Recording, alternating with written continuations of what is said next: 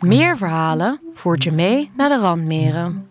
Samen met zeven unieke denkers verken je de toekomst van een waardevol gebied voor Nederland dat ruimte biedt aan mens en natuur. Ga mee op reis en waan je voor even op het water, tussen de boten, in het riet, op de oevers of verder landinwaarts. Laat je inspireren door een landschap dat nog volop in ontwikkeling is en stel jezelf de vraag: hoe ziet de toekomst van de randmeren eruit voor mij? Mijn naam is Jolien van Berkenstein en in deze aflevering spreek ik met Niels van Rooyen, ecoloog en onderzoeker vegetatie bij de Universiteit Wageningen. Hoi Niels, heel leuk dat je er bent. Goedemiddag. Hoi. Ehm, Niels, jij doet onderzoek naar de rol die planten spelen in ecologische systemen en de biodiversiteit van een gebied. Wat kunnen planten ons vertellen? Ja, planten die, eh, die vertellen mij zeker eigenlijk alles, het hele verhaal.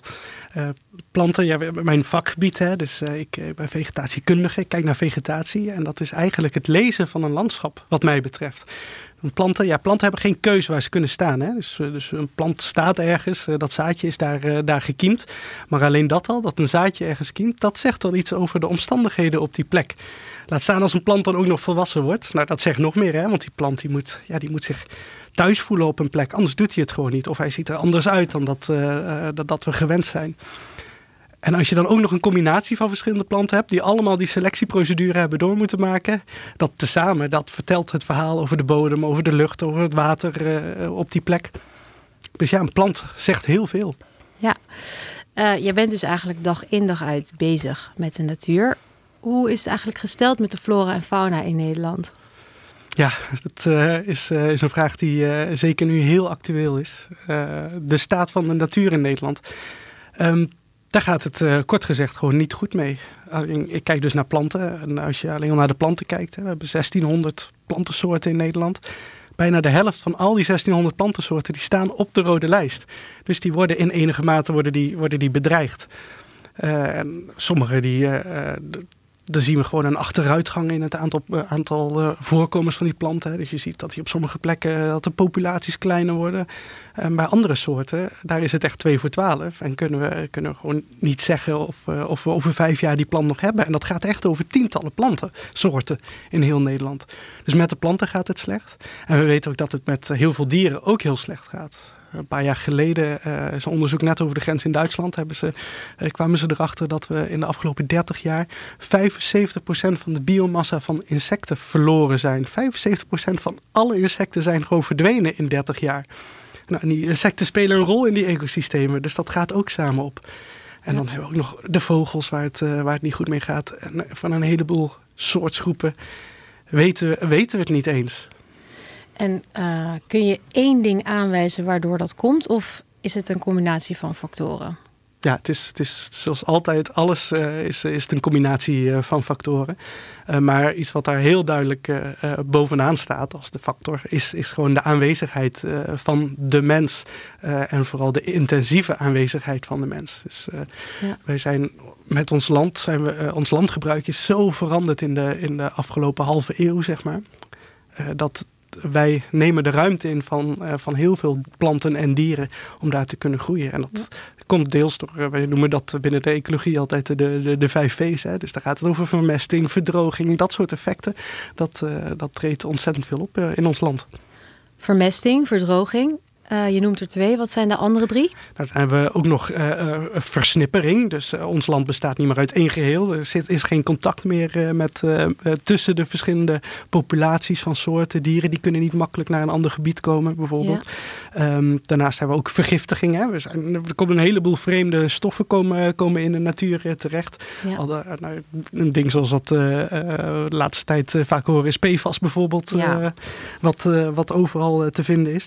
En dan hebben we ook nog verzuring. En dat hangt weer samen met, uh, met vermesting. We kennen allemaal nog van uh, een paar tientallen jaar geleden een probleem van de zure regen. Ja. Maar verzuring, dat treedt nog steeds op in de bodem. Ja. Ben je ergens optimistisch over?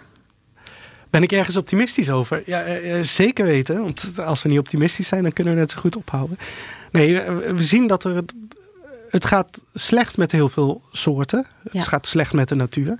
Maar je ziet aan de andere kant ook dat het bewustzijn dat het zo slecht gaat met de natuur ook aan het toenemen is. We zien nu dat we langzaam in een uh, energietransitie zitten, uh, waar heel veel mensen zich voor inzetten. maar we zien ook dat steeds meer mensen zich bekommeren om, om goede zaadmengsels bijvoorbeeld. We gaan steeds meer uitzaaien om, om de bijen te helpen. Ja. En ik denk dat daar is, is het begin. Ja. Um, dus je zou kunnen stellen dat jij als ecoloog ook bezig bent met de toekomst. En vraag ik me af, kunnen planten bijvoorbeeld een rol spelen in de uitdagingen waar, we voor staan? Jazeker. Ik, zoals ik al zei, planten uh, uh, laten vertellen het verhaal wat, uh, wat er in de omgeving speelt. En ik denk dat planten, dat is ook de belangrijkste knop waaraan je kan draaien om het ook weer een goede kant op te sturen. Um, we zeggen ook altijd, ja, een, wil je de bijen terugkrijgen? Bijen kan je niet maaien. Maar nee. vegetatie kan je wel maaien. Dus als je of. Of, of juist niet, inderdaad. Uh, dat is overigens weer een heel ander verhaal of je dat wel of niet moet doen en wanneer en hoeveel daarvan. Maar uh, op plantniveau kan je ingrijpen. Daar, dat kunnen we in de vingers krijgen van, uh, kunnen we stimuleren om een goede vegetatie te ontwikkelen. Waar dan of patrijzen in kunnen zitten, of waar bijen in kunnen zitten, of waardoor je voedingsstoffen uit de bodem haalt dus dat is het aangrijpingspunt om die verandering teweeg te brengen. Dus planten zijn daar de basis in. Um, nou gaat deze podcast over de randmeren. Laten we even inzoomen op dat gebied. Het is een heel divers gebied. Het verbindt vijf provincies met elkaar. Ik ben benieuwd, wat maakt dit gebied zo bijzonder? Want het staat wel met elkaar in verbinding. Ja, het staat zeker met elkaar in verbinding. En juist al die, die eigenlijk de, de diversiteit van het gebied. Dus juist al die verschillende aspecten bij elkaar maakt het geheel heel bijzonder.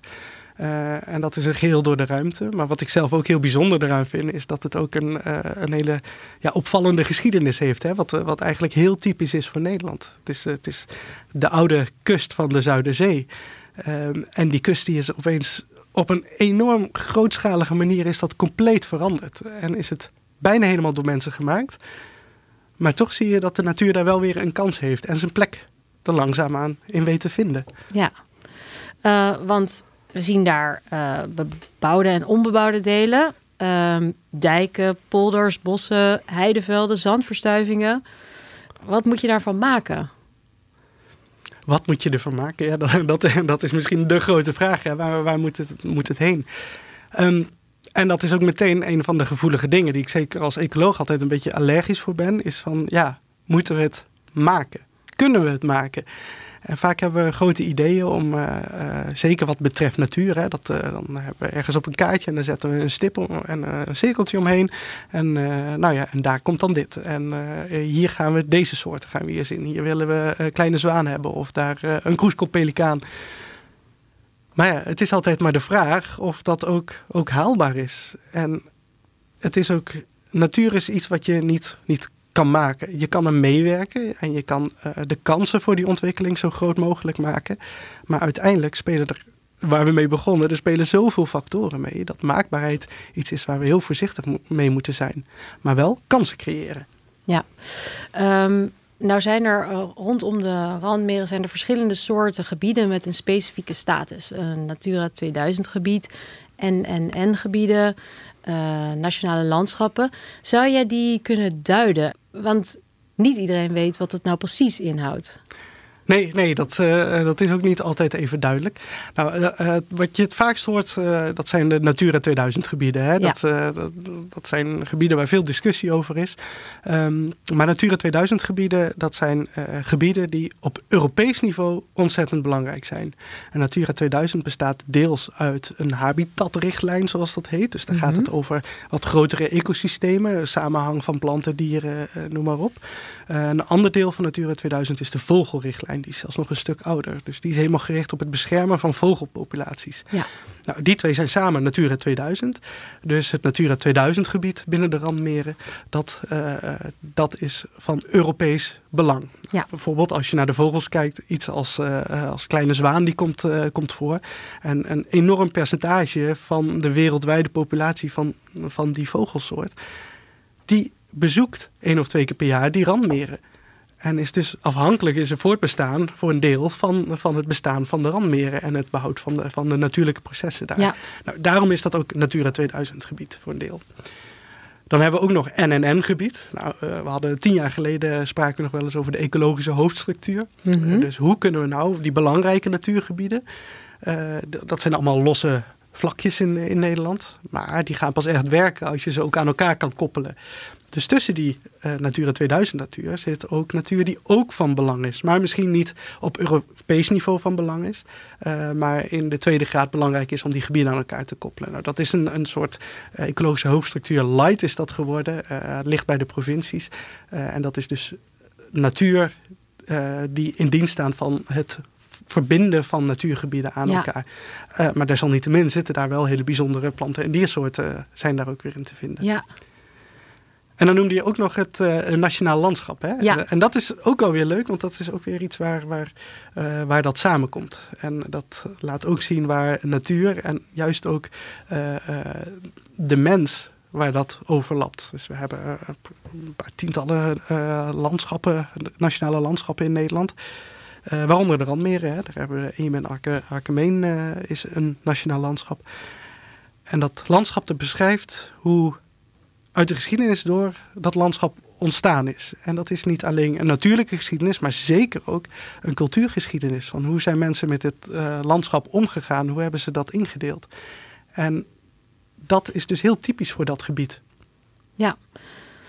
Het gebied is nu ontzettend in ontwikkeling. Uh, er komen steeds meer mensen wonen, er is bedrijvigheid, mm -hmm. er komen mensen op bezoek om te recreëren. Uh, daarnaast zijn er klimatologische uitdagingen, wateruitdagingen. Uh, waar moet je nou rekening mee houden in de gebiedsontwikkeling als het gaat om ecologie? Om ecologie, nou ja, kansen, kansen creëren, dat is het allerbelangrijkste. Um, en daarnaast, die kansen creëren, uh, dat doe je door vooral te letten op overgangen. Dus waar zie je het ene gebied overgaan in een ander gebied? Waar gaat droog over naar nat?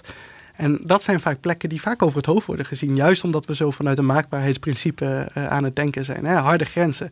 Maar natuur is juist heel erg gebaat bij zachte grenzen overal. Dus, ja. En als je dat weet, uh, voor elkaar weet te krijgen op zo'n groot gebied... dan geef je die biodiversiteit echt een enorme boost. Ja, um, en dat heeft dan toch ook weer te maken met menselijk ingrijpen. Want um, nou ja, aan de ene kant hebben we het heel veel over verwildering van de natuur. Aan de andere kant, uh, ja, nou ja, wat je noemt, uh, hebben wij ook ideeën over hoe we ons land uh, of een gebied willen inrichten. Waar, zou jij voor pleiten? Meer of minder bemoeienis van de mens? Wat zou beter zijn?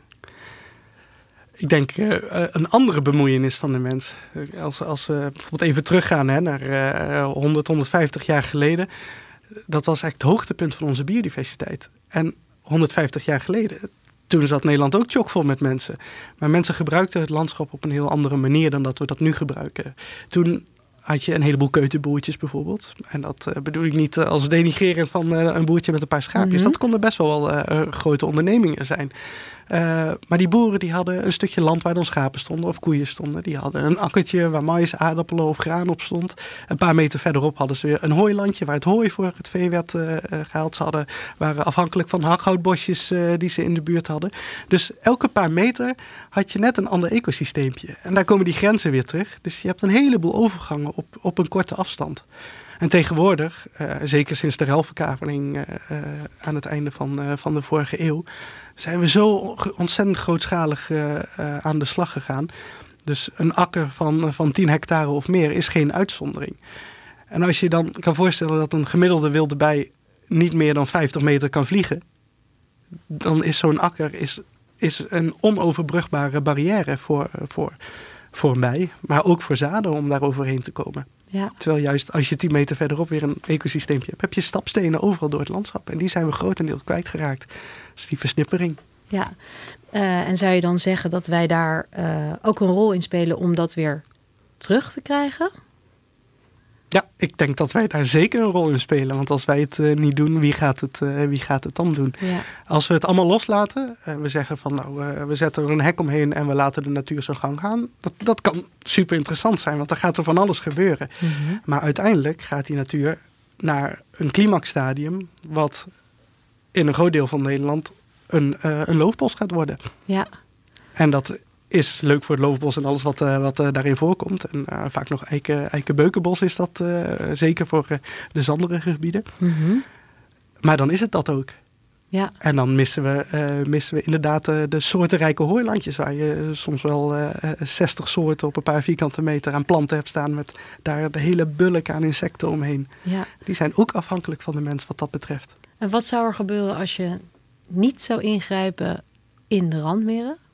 Als je niet zou ingrijpen, ja, nou ja, de randmeer is natuurlijk een breder iets dan, uh, dan, uh, dan alleen dat, dat watersysteem. Mm -hmm. uh, dus voor een groot deel, zeker bij de IJsseldelta en zo, is, is, zal het uiteindelijk voornamelijk wilgebos worden, waar water veel invloed heeft.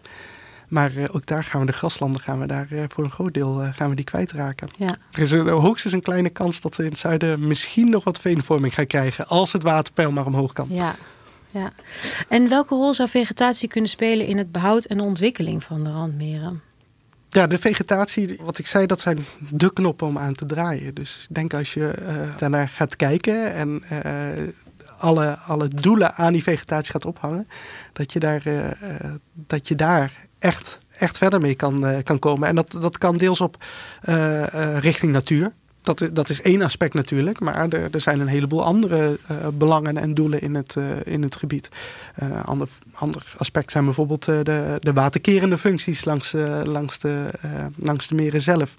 Waarbij je ook kan kijken van hoe kan je nou planten op een andere manier inzetten. Hè? We hebben het soms over ecosysteemfuncties. Mm -hmm. Dus welk, welke functie of ecosystem services, dat is ook iets wat je vaak hoort. Dus een service is echt wat voor een dienst kan, uh, uh, kan een plant of een vegetatie of een ecosysteem leveren aan de mens. Mm -hmm. En een van de dingen waar je dan bij denkt is, uh, zeker voor waterkering, is doorworteling van dijken. Dus als je meer diversiteit op dijken kan krijgen, bijvoorbeeld meer kruiden, meer verschillende grassoorten in een dijk dan dat er op huidige dijken staat, kan je stevigere dijken creëren doordat je de doorworteling een stimulans geeft. Ja.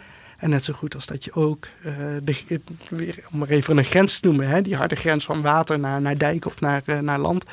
Als je die zachter gaat maken, dan krijg je, en je, je kan uh, ondiepe oeverplanten een kans geven. Dat kan dan weer tot golfdemping leiden, waardoor je weer minder, minder gevaar tot overstroming op het land hebt. Ja.